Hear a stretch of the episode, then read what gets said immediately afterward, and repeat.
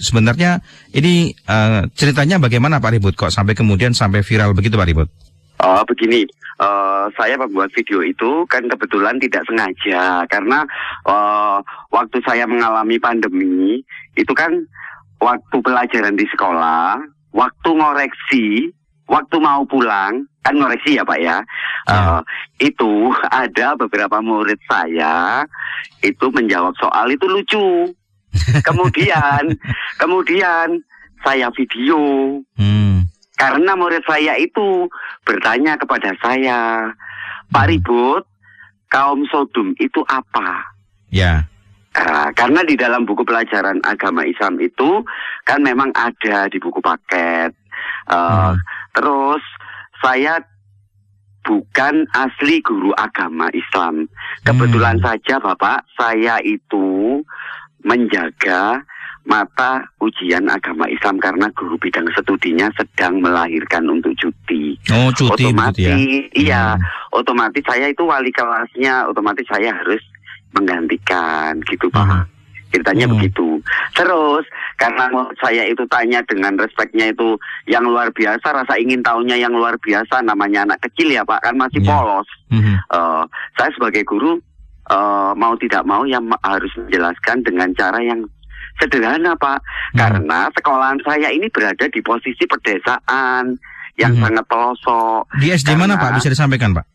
Uh, karena anak desa itu kan nggak sama Pak. Uh, hmm. Kalau misalkan kita nggak memberikan materi atau penjelasan yang lebih sederhana, uh, takutnya anak-anak didik saya itu tidak mengerti gitu loh Pak. Ya. Nanti kalau saya uh, memberikan uh, penjelasan yang lebih tinggi. Takutnya anak-anak juga nggak ngerti. Akhirnya saya pakai metode yang sederhana. Saya jelaskan dengan bahwa kaum Sodom itu uh, uh, apa itu?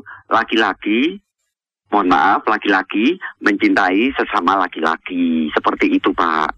Hmm. nah kemudian yang viralnya itu karena videonya dipotong oleh orang-orang yang tidak bertanggung jawab. Karena video hmm. tersebut itu kan panjang durasinya, Pak. Ya. Katanya yang viral di Twitter itu kan hanya beberapa menit. Saya juga tidak terlalu aktif di Twitter. Jadi saya dapat info kalau video saya itu viral. Awal itu, kemudian Pak. di Twitter sampai kemudian di mana-mana Pak. Perasaan iya, Pak Ribut bagaimana ini? Padahal kan videonya utuh cukup banyak ya. Kalau saya lihat sebenarnya kontennya selain menghibur juga edukatif ya karena ada guru iya, yang seaktif iya, ini seperti Pak. Pak Ribut. Tapi perasaan bagaimana seperti itu Pak? Uh, waktu pe, apa itu waktu diunggah di sosial apa itu di media sosial, sosial seperti Twitter itu saya sebagai guru misalkan digoreng-goreng kayak gitu ya tergantung orangnya sebenarnya Pak ya. Hmm. Kalau saya sih orang mau menganggap saya itu uh, jelek ataupun itu baik itu tergantung orangnya. Seperti contoh halnya uh, seperti video saya tergantung orangnya Pak. Cara memahami dengan video saya bagaimana. Hmm. Uh, kalau memang orang itu menganggapnya negatif ya itu tergantung orangnya. Kalau menganggapnya itu nek positif, ya itu juga tergantung orangnya. Padahal menurut saya video saya video saya itu menurut saya biasa-biasa saja. Mungkin hmm. ada segelintir orang yang apa ya eh, membuat video saya menjadi seperti itu. Padahal itu video saya saya upload di TikTok itu durasinya lima menit lebih, Pak. Kalau yeah. di ya. TikTok. Iya, hmm. itu, Pak. Ini uh, sebenarnya uh, niatannya Pak Ribut adalah dalam rangka untuk memberikan edukasi berikut ya. Iya, betul Pak. Uh, kita nggak ada salahnya uh, untuk memberikan edukasi kepada murid untuk usia dini. Karena apa Pak? Uh, sekarang kan zamannya sudah modern. Apalagi yeah. teknologi, kemajuan teknologi itu kan yang sangat betul-betul yang gimana gitu Pak ya. Mm-hmm. Takutnya karena waktu daring, bukan menyalahkan daringnya Pak, enggak, mohon maaf. Mm-hmm. Karena kan anak-anak kemarin tuh waktu daring kan banyak yang megang HP. Kadang kan kalau kita sebagai yeah. sebagai orang tua ataupun guru, kalau kita tidak mengontrol anak didik kita, takutnya nanti buka yang macam-macam. Apalagi sekarang banyak loh Pak kasus-kasus seperti mohon maaf pencabulan. Hmm. Ya Pak ya. Yeah, nah, yeah. saya kan tidak ingin murid saya itu menjadi korban seperti itu. Makanya dengan adanya murid saya yang namanya si April tanya kaum Sodom itu apa, saya menjelaskan. Yaitu tadi Pak, apa hmm. salahnya sih kita menjelaskan edukasi apa itu edukasi sejak dini. Yang penting tujuan saya itu baik dengan menjelaskan uh, penjelasan yang lebih sederhana biar murid saya itu lebih mudah untuk memahami apa yang saya maksud. Hmm, baik. Itu berarti siswa kelas 3 kalau tidak salah kelas ya, Pak? Kelas, kelas 2. 2, Pak. Uh, uh. Hmm. Tapi memang uh, ini kan Bapak hanya menyampaikan saja karena memang secara materi ada ya di uh, buku ada, ajarnya ya, uh, kebetulan ya. kebetulan itu soal PTS agama Islam kemarin. Hmm. Hmm. Kebetulan soal ujian. Hmm, dan soal ujian pasti merujuk pada buku panduan kan? Iya, iya Pak, betul ada memang. Hmm, baik. Ini saya melihat sosok yang agak cukup kritis ya. Di situ ada anak kecil namanya April ya. Uh, ya. Lucu juga itu berarti sebenarnya. Jadi sebenarnya ya. niatan Bapak hanya memberikan tanggapan saja begitu ya. Ini jawaban memang seperti itu sesuai dengan yang di buku begitu ya Pak Ribut ya? Iya, iya, betul Pak. Mm -hmm. Kalau uh, melihat sebenarnya secara uh, respon dari masyarakat sana kan banyak ini Pak. Berpengaruh ya. tidak terhadap pola mengajar dan juga uh, barangkali siswa yang di sana Pak? Kenapa kenapa Pak? Nggak dengar Pak. Ada pengaruh tidak terhadap pola mengajar Bapak kemudian juga siswa di sana akibat uh, ramainya video uh, ini Pak Ribut? Enggak, enggak ada sama sekali. Alhamdulillah nggak ada sama sekali. Semuanya positif Pak. Mm -hmm. Metode semacam ini juga nyaman ya uh, dilakukan nyaman. di sekolah ya? Alhamdulillah. Gini Pak, saya melakukan metode pembelajaran itu itu pada waktu mau istirahat sama menjelang mau pulang sekolah di saat tebak-tebakan siapa yang bisa duluan ayo apa siapa yang bisa jawab pertanyaan pulang duluan. Biasanya hmm. gitu saya pak. Seru nih pak. Jadi Zaman kalau SD saya juga gitu dulu pak. Iya kalau waktunya pelajaran di kelas berlangsung. Saya tidak berani pak melakukan video karena takutnya satu mengganggu pelajaran yang ada di dalam kelas itu pak. Saya nggak berani kalau itu pak. Hmm. jadi saya mempunyai kesempatan membuat video di saat istirahat sama mau pulang. Karena saya sering melakukan tebak-tebakan untuk mengasih anak-anak hadiah untuk meningkatkan kualitas belajar anak untuk menjadi ingin bisa rasa ingin tahunya lebih tinggi lagi. Hmm. Dampaknya dengan metode seperti itu apa yang terjadi di siswa Pak? Uh, semangat belajarnya hmm. lebih meningkat karena oh, ya? gini Pak. Hmm. Uh, sekarang gini Pak, murid kan kalau diembel-embelin, kamu mau hadiah nggak?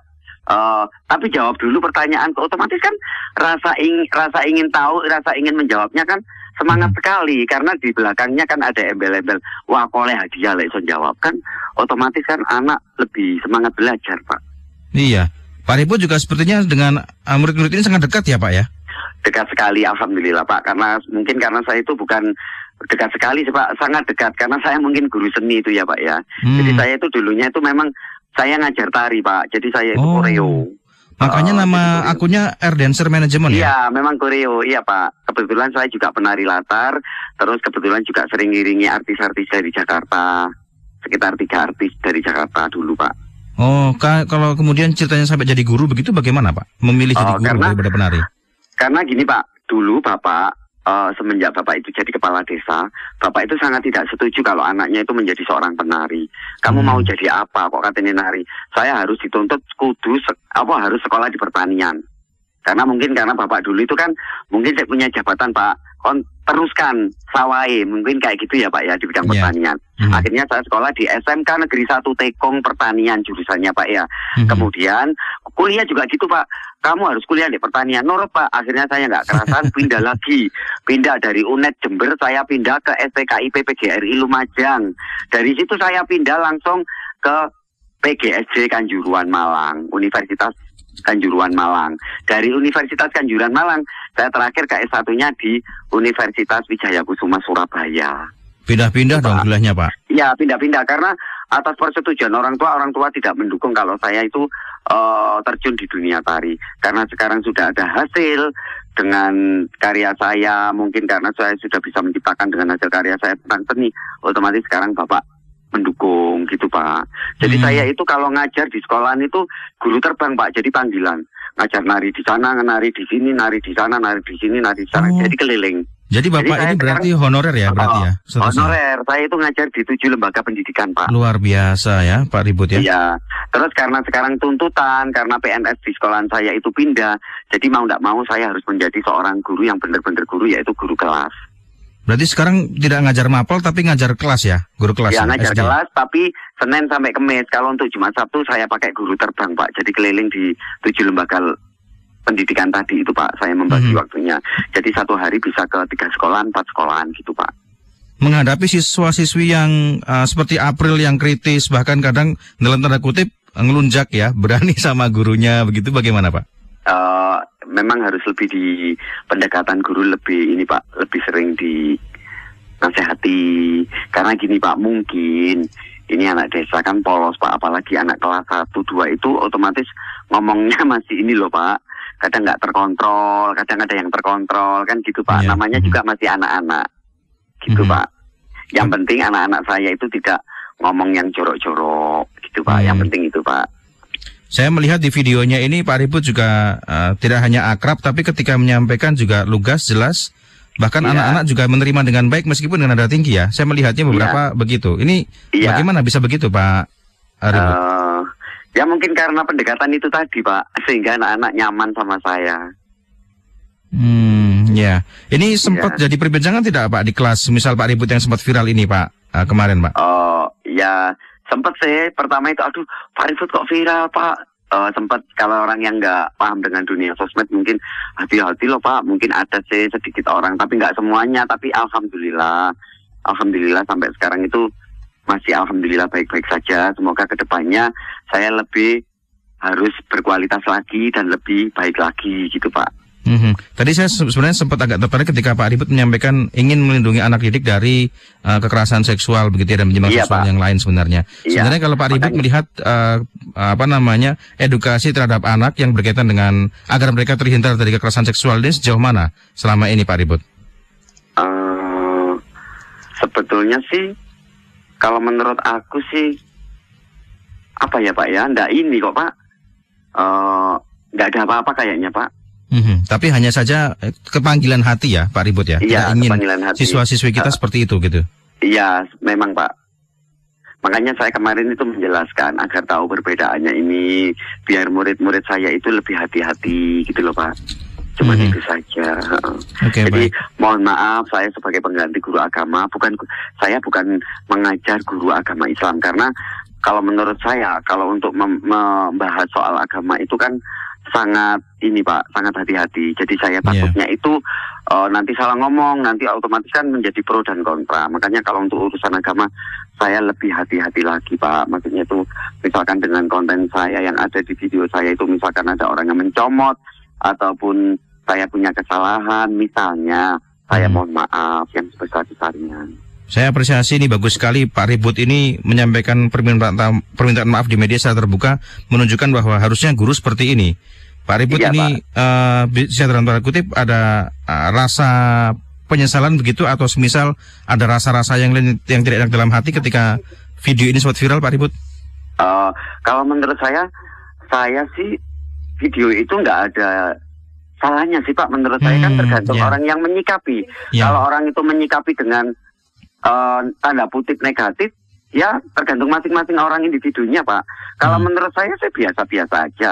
Cuman hmm. saya ini um, minta maaf bukan masalah video itu Pak. Saya minta Tapi maaf viralnya, takut ributnya. salah dalam hmm. memberikan uh, informasi untuk ajaran agama Islam tadi. Itu yang hmm. saya, saya takutkan karena saya juga beragama Islam karena saya harus jaga agama saya sendiri. Hmm, itu Pak, biasa. seperti itu. Ada nah, kabar juga itu. ini ya, ada pemanggilan dari dinas terkait itu bagaimana Pak Ribut? Oh itu cuma cuma klarifikasi aja, maksudnya itu hmm. dinas memesankan uh, kan sempat viral kan kaget ya, ya. hati-hati kalau bikin video takutnya nanti itu dimanfaatkan oleh orang oknum-oknum yang tidak bertanggung jawab cuman itu saja tapi tetap Mungkin lanjut kan Pak videonya kan Pak kontennya kan Pak tetap tetap lah Pak kalau saya untuk hal positif saya tetap lanjut untuk di, untuk untuk uh, untuk apa ini untuk pendidikan. Saya, saya tidak juga akan ngikutin loh Pak kontennya loh Pak. Iya, amin. saya kalau untuk dunia pendidikan saya mengabdi ikhlas. Saya tidak untuk embel-embel untuk menjadi misalkan gini Pak ya, mohon maaf ya Pak. Ya. Kan saya sudah 19 tahun menjadi guru honorer oh, ya Pak luar ya. biasa sekali. Uh, 19 tahun. Jadi itu uh, saya itu misalkan ditakdirkan menjadi seorang PNS, alhamdulillah. Kalau memang betul apa kalau memang itu tidak ditakdirkan menjadi seorang, seorang PNS, ya juga alhamdulillah juga nggak apa-apa. Saya karena saya di sini kan uh, saya punya ini Pak kesibukan usaha jadi bisnis. Jadi hmm. jadi saya memang kalau untuk dunia guru saya benar-benar ikhlas untuk mengabdi. Tapi saya boleh Pak nitip nitip pesan di radio ini boleh, Pak. Boleh, silakan Pak. Uh, boleh ya Pak ya. Uh, mudah-mudahan buat Bapak Presiden Jokowi Republik Indonesia yang terhormat, yang kami banggakan, yang kami hormati, juga Menteri Pendidikan Pak Nadiem Karim, mudah-mudahan uh, guru honorer yang berada di TK, SD, SMP, SMA maupun yang lainnya, mudah-mudahan kesejahteraan guru lebih ditingkatkan. Terus mudah-mudahan yang belum menjadi seorang PNS, mudah-mudahan guru yang ada di seluruh Indonesia, mudah-mudahan diangkat semuanya. Amin. amin Tanpa amin. melalui ujian maupun tes. Karena Amin. guru mengabdi ini sangat luar biasa Pak. Menjadi guru sokwan itu berpuluh-puluh tahun untuk mendidik anak menjadi pintar gitu Pak. Baik, terima kasih Pak Ribut ya. Sukses selalu Pak Ribut ya. Jangan Ya, berhenti amin. berkonten untuk mengedukasi masyarakat Pak Ribut. Ya Selamat siang. amin, amin, amin. Selamat siang Pak. Demikian pendengar guru SD di Lumajang, Ribut Santoso